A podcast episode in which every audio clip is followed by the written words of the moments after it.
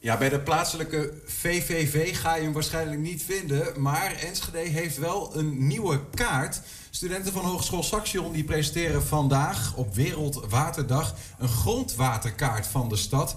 En uh, dat wat zich dus onder onze voeten bevindt en normaal onzichtbaar is, wordt met die kaart gewoon zichtbaar gemaakt. En dat is vooral in de stad als Enschede echt heel waardevol.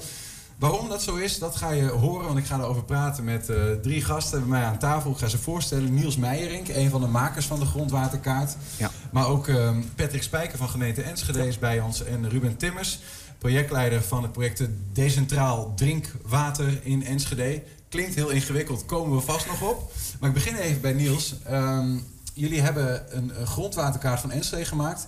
Ik heb uh, drie plaatjes ja, en jij mag mij vertellen en ons vertellen wat we eigenlijk zien. Misschien kunnen we even beginnen met het uh, plaatje met de droge, in de droge tijden. Ja. Vertel ons, wat, wat zien we hier? Uh, nou ja, we zien hier een uh, afbeelding van Enschede.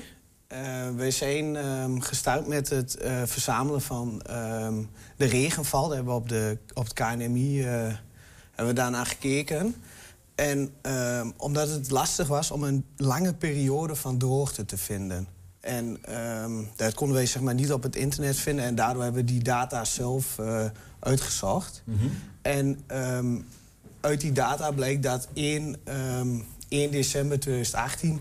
Uh, toen was een uh, lange periode van droogte. En hebben wij op volgens mij 108 punten in Enschede hebben wij, de grondwaterstand bekeken... En die hebben wij in het uh, programma Argis um, hebben die data gestopt. En dan komt deze kaart um, in principe naar boven. Oké, okay, en we zien een, dus een kaart van Enschede. We zien op sommige plekken is het diep rood. Op ja. sommige plekken is het uh, zeg maar geel, blauwig zelfs. En daartussen is allerlei andere kleuren. Wat betekent dat? Ja, het uh, dieprode, daar is de grondwaterstand heel laag. Um, dat kun je ook wel in de legenda daarnaast zien. Daar zit je op um, bijna drie meter onder het maaiveld. En um, richting de blauwe plekken, daar staat het grondwater hoger. En tegen het maaiveld bedoel je dus ook die blauwe plekken. Dan zit het zeg maar, als we een schepje in de grond uh, ja. steken... dan zien we het grondwater er bijna uitspuiten, om het zo maar te zeggen. Ja, nou in de droge periode valt het nog wel ja. mee. Maar in de natte periode dan... Uh... Zullen we even kijken, want we hebben er nog twee. Eentje is iets minder droog, hè, gemiddelde ja. periode. Misschien kunnen we die even laten zien. Nou, nu zien het al iets wat blauwer worden. Ja, zeker. Hier is het al een heel stuk uh, natter in de grond in principe. En dan hebben we er nog één, dan is het extreem nat. Ja, ja. Nou, nog een stuk, uh, stuk blauwer. Ja. Um, waarom heb je dit gemaakt?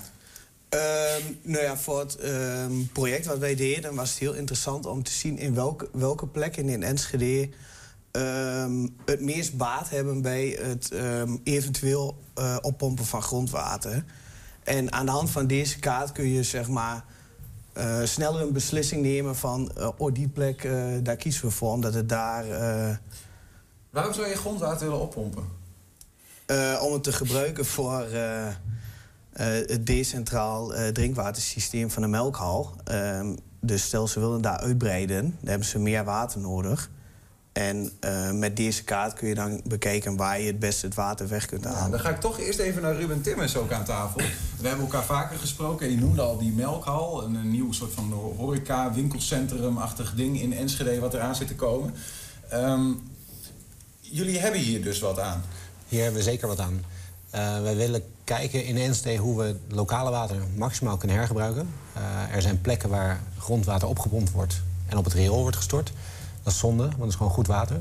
En in tijden van droogte hebben we eigenlijk een tekort aan water. Dus in plaats van dat we water van ver weg moeten halen... Uh, en ondertussen water eigenlijk het putje in laten lopen... Mm -hmm. willen we kijken wat is er nou maximaal mogelijk met het water dat we eigenlijk al onder onze voeten hebben zitten. Ja, ja. Moet ik me dan zo voorstellen dat, dat jullie bijvoorbeeld een blik op die kaart werpen... en zeggen van, nou ja, daar is het extreem blauw... dus daar zit het echt uh, het water heel hoog onder onze voeten. Daar moet het eigenlijk weg. Dus we gaan een leiding trekken van die plek naar de melkhal... zodat we daar kunnen opdrinken. Um, deels. Het is ook uh, kijken van wat is nou de stand van zaken in de huidige situatie. Dus er wordt grondwater beheerd uh, op een bepaalde manier. Dat betekent dat je kunt zien van wat zijn nou de effecten daarvan in de gemeente. Um, en op moment we zeggen we gaan de komende jaren gaan we lokaal anders met ons water om, willen we wel uh, zeker hebben en inzicht hebben hoe dat de grondwaterstand beïnvloedt. dat je zegt van nou de textielindustrie heeft in het verleden grondwater gebruikt. Is het niveau omlaag gegaan. Toen vielen er stukken droog. daaronder in de kaart zie je nu een hele mooie helderblauwe vlek rondom de singel. dat is van nature een plek waar water aan de oppervlakte komt. Tijdens de textielindustrie was het water al lager, dus kon het bebouwd worden. De textielindustrie de stad uit. Nou, het water herstelde weer naar de natuurlijke balans. En dan zie je dat dat een knelpunt is voor de huizen die er nu staan. Ja. Nou, op die manier kunnen ze ook aangeven van hoe.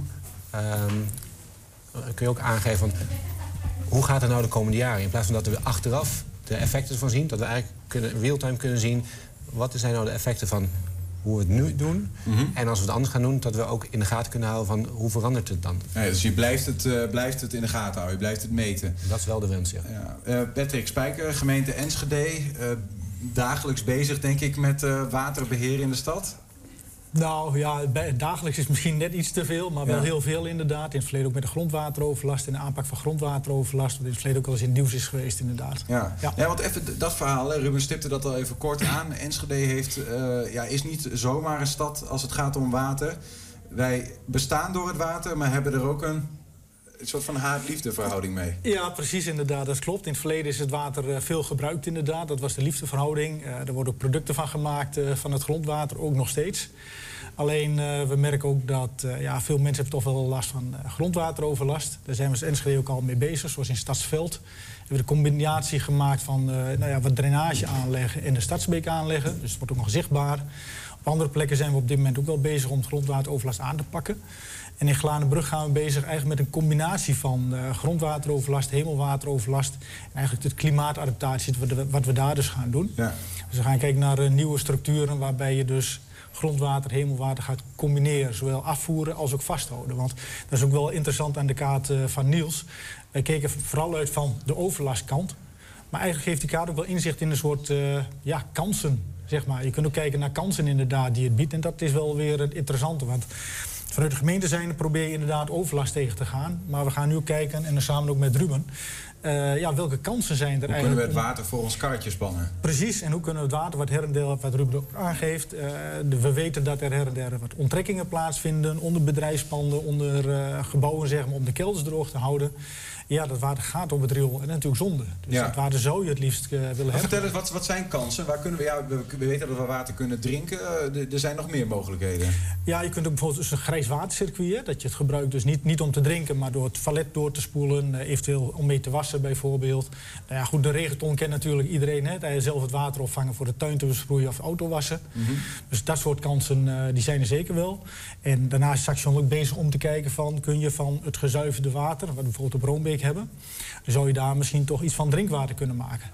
Alleen, uh, ja goed, Vitens die is natuurlijk uh, de drinkwaterleverancier... dus daar zijn we ook mee in gesprek om te kijken van hoe kun je dat dan gezamenlijk gaan doen. Dus ja, ja. er zijn wel best mogelijkheden. En, uh, ik denk dat... Vindt Vitens dat lastig dan? Ik, ja, omdat zij een soort van, ja, zij erover gaan misschien zich wel verantwoordelijk voelen voor drinkwater?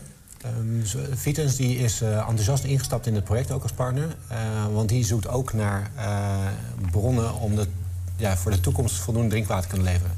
Uh, ze, zijn, ze zijn bezig met meerdere lo lokale projecten. Dus uh, ze hebben centrale uh, waterzuiveringen. En ze hebben meerdere projecten nu, zoals ons onderzoeksproject...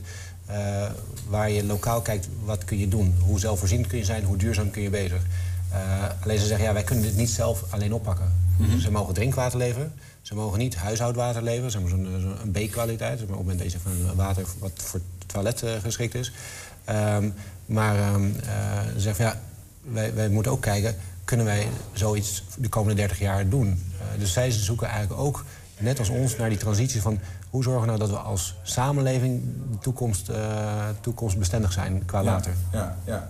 De, de, ook nog toch even terug naar het verhaal van Enschede en water. Want je noemde al even Stadsveld, uh, Glanenbrug.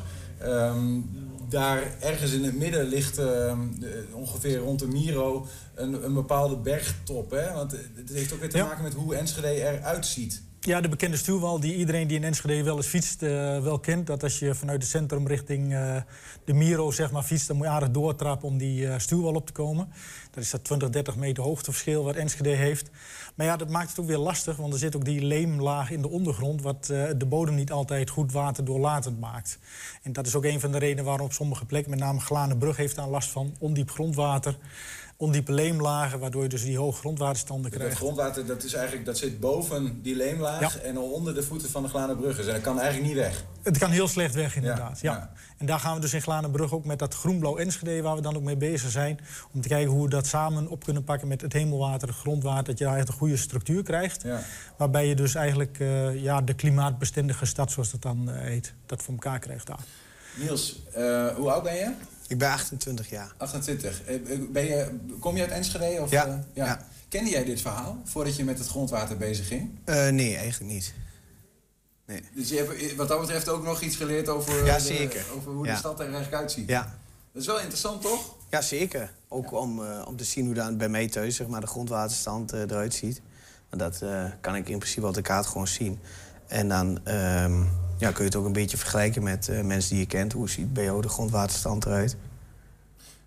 Wat, nu hebben jullie die kaart gemaakt, hè? Wat, wat, wat kan je er nou nog verder mee? Want dit zijn drie soort van ehm, ja, stilstaande plaatjes, zoals ik ze nu zie. Ja. Eh, hoe ga je nou zorgen dat de gemeente dit, dit kan blijven gebruiken? Of misschien wel de, de mensen in de, in de melkhal? Want ja, het verandert ook nog met de tijd. Ja, toch? zeker. Eh, we hebben die data van een website gehaald, Twents Waternet.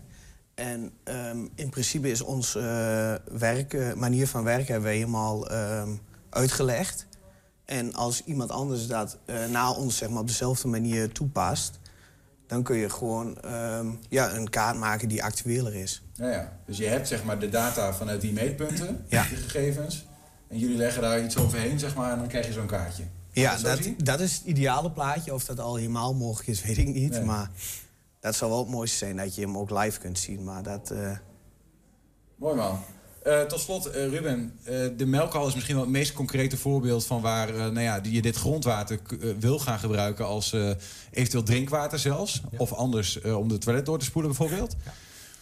Hoe ver is dat eigenlijk al? Is dat een 100% zekerheid of is dat nog steeds wel een eh, work in progress? Ja, wij zitten hier vanuit het onderzoeksproject waarin we aantonen dat het mogelijk is. Dus onderzoeken wat is er voor nodig, hoe realiseren we het. En eh, er ligt een flinke kans om te pakken met z'n allen eh, om water van een bron, met name de bron van de Roombeek, naar een melkalgebied te halen.